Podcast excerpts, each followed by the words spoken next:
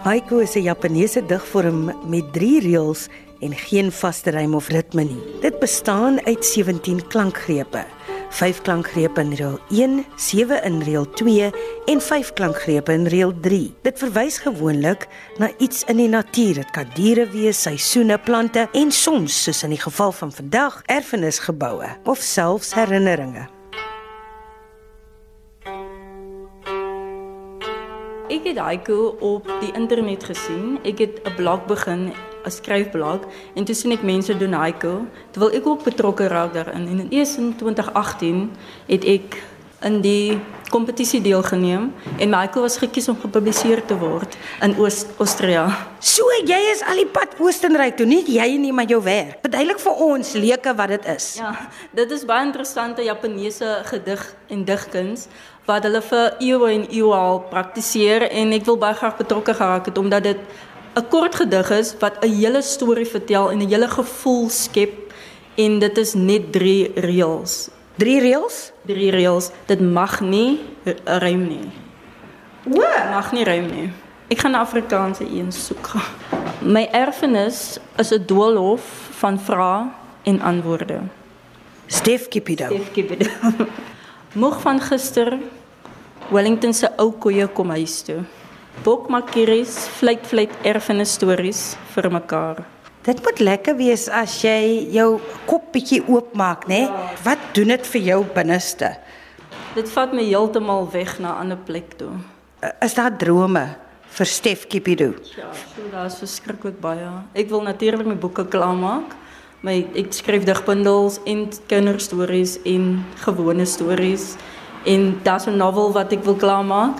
Dan ek wil movies maak. Jo. Ek wil movies skryf. Ek het 'n storie geslyp in uh Paulethuis toe ek by die Kommedag geslypskool was, uh wat genaamd is Piravit. So ek wil baie graag dit klaarmaak. Daar's twee boeke wat ek wil klaarmaak wat in in die Piravit reeks is. As iemand nou hier inkom by hierdie vertrek, wat verduidelik jy aan hulle oor wat teen die mure is? O ja, dit is erfenisfoto's en haiku van reg oor die wêreld. Ons het Wêrelderfenisdag gevier en Wêreld Haiku Dag. Wêrelderfenisdag is op die 18de April. Mm. En Wêreld Haiku Dag is die 17de April. Ons het die uitstalling die 17de April gehad hier in die Breitenberg sentrum. Hoe kies 'n mens nou hierdie werke? Jy moet dit saam sit. Die haiku moet die foto komplementeer en die storie verder vertel. Dit moenie iets vertel van die gebou, maar die gevoel wat in die gebou is buiteom. Is so 'n Poland haiku digter. Hy het gesê falling leaves, I can see again our heritage. En dit beteken die blare het afgeval, nou kan jy weer sy erfenis aanskou.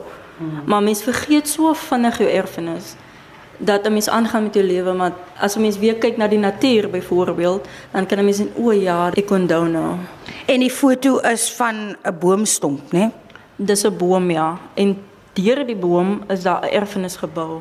Windowless window, sunray warming up a cold furnace. Dis Stepan Rozik ook van Kroasie. Die foto's is 'n ou huis, ek dink is 'n ou plaashuis uh. wat net vervalle geraak het. Waarheen wil jy nog reis om meer te gaan leer oor haiku? Ek wil baie graag Japan toe gaan, ja, baie graag. Ek wil haiku skryf natuurlik. Skryf jy net oor sekere temas, jou kinderstories? Nee, nee, dit gaan oor wat wat 'n gevoel ek op daai oomblik het en dan skryf ek dit net neer. Ja, ek skryf gewoonlik oor oor natuur, voeltjies en so. Kyk daar dat daar lees is of so. Kan ek jou vra Stef, waar kom jou kunsinnigheid vandaan? O ja, my ouma was 'n aktrise gewees, 'n teateraktrise, ja, Molly Kibedo. Wat het jy by Molly Kibedo geleer? Om jou instinkte te volg. Ja? En dit het gewerk sover. Wat 'n soort vrou was sy? Sy was 'n baie kwaai vrou. Baie baie streng baie straightforward. Dat sy ding gedoen het, dat doen sy dit en niemand sê vir haar nie. Hmm. Sy het dit gedoen en ons het gesien hoekom. Ja. Van sy het die vrugte gepluk daarvan en 'n baie groot erfenis nagelaat. Sy wou altyd gehad het ek met vriende maak. Dis dis een ding wat sy altyd wou gehad het ek moet doen. En ek is mos baie introvert gewees. Want sy sê ek dink sy het die potensiaal gesien terwyl sy ek moet dit uitleef. Wat het jy genoem mamma? Mamma ja. Dink jy sy sou hy kon verstaan? Ja, sy sou moeite gemaak het om dit te verstaan. Ja. As sy iets aanpak, sy het ballroom gedoen, sy het alles gedoen wat sy wou dan doen sy dit.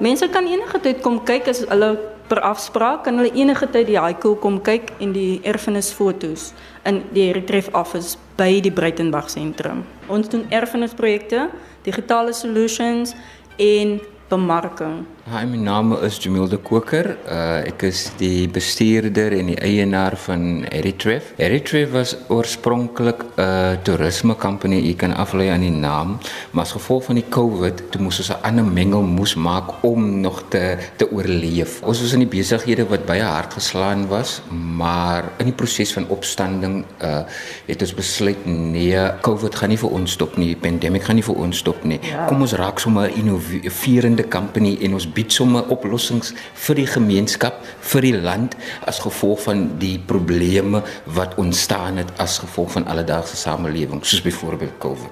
Wat ons begin het is 'n werkskepping projek wat 'n aanlyn dienste platform is waar jy mense wat in die skoonheidsbedryf is, wat hare kan doen, nails kan doen, uh die gesig manicure en pedicure, hulle kan hulle name op die lys sit, op die platform sit en dan kan hulle vir hulle self adverteer daar dan kom die kliënt, dan bestel die kliënt of boek die kliënt vir hulle en sê okay, uh jy's 'n professionele persoon, ek soek daai en daai van jou af. So is meer 'n aanlyn bestelling of 'n aanlyn boeking. Yes, so die platform konnek die kliënt met die werker. So dit is waar die werkskepping inkom.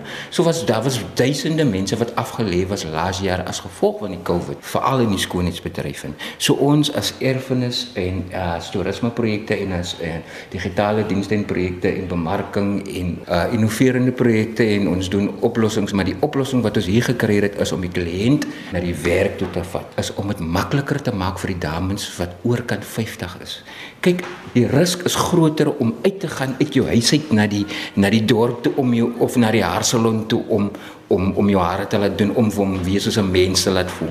Maar ons bring die haarsalon na u toe. Het jy toe nou by Stef meer geleer oor haiku? Ja, ek het besonder baie geleer van haar. Oor die algemeen was ek 'n ook 'n kunste in in 'n kulturele mens, want my passie is eintlik erfenis. Dit is waar die naam Eritreef inkom, waar die besigheid eintlik ontstaan het deur die erfenis en deur toerisme kom ekonomiese groei sonder besigheid en toerisme kan ons mos nog nie vorentoe gaan nie of die kultuur waardeer nie. Stefie het vir my baie deure oopgemaak om te sien wat tipe denkwyse om persoonlik vir u te sê baie min mense het ek ontmoet wat so sy kan redeneer en kan dink. So daar is regtig waar meriete en potensiaal in haar en, en ons kom nou seker so vir 13 jaar al saam. So ons staan op verloving, maar ja, ek het baie ek het baie by haar geleer en sy het baie potensiaal kyk, my pa was 'n uh, departementswiskunde hoof. Hy's ook iemand wat baie min praat en so het ek groot geword met een sinnetjie wat 'n hele storie vir my verduidelik. So dit is waar die connection ingekom het waar ek begin hou het van gedigte en van haiku, oh. omdat dit so min woorde en reëls bevat, maar dit vertel 'n groot storie. Is soos my pa wat net so verbykom en vir my net kyk, baie min woorde en as hulle net vir my een woordjie sê en dan weet ek wat om te doen vir die res van die jaar. So ja, so hy is basically 'n legende ook in die dorp en so ek het baie goedjies by hom geleer en die een grootste ding wat ek nooit sal vergeet nie wat hy my geleer het is wees altyd nederig. So basies het jy eintlik by jou pa al geleer wat Heiko is. Nog seker voor jy geweet het wat Heiko is, het jou pa al vir jou gewys wat Heiko is in julle huis. Ja, ja, ja, definitief met baie baie min woorde.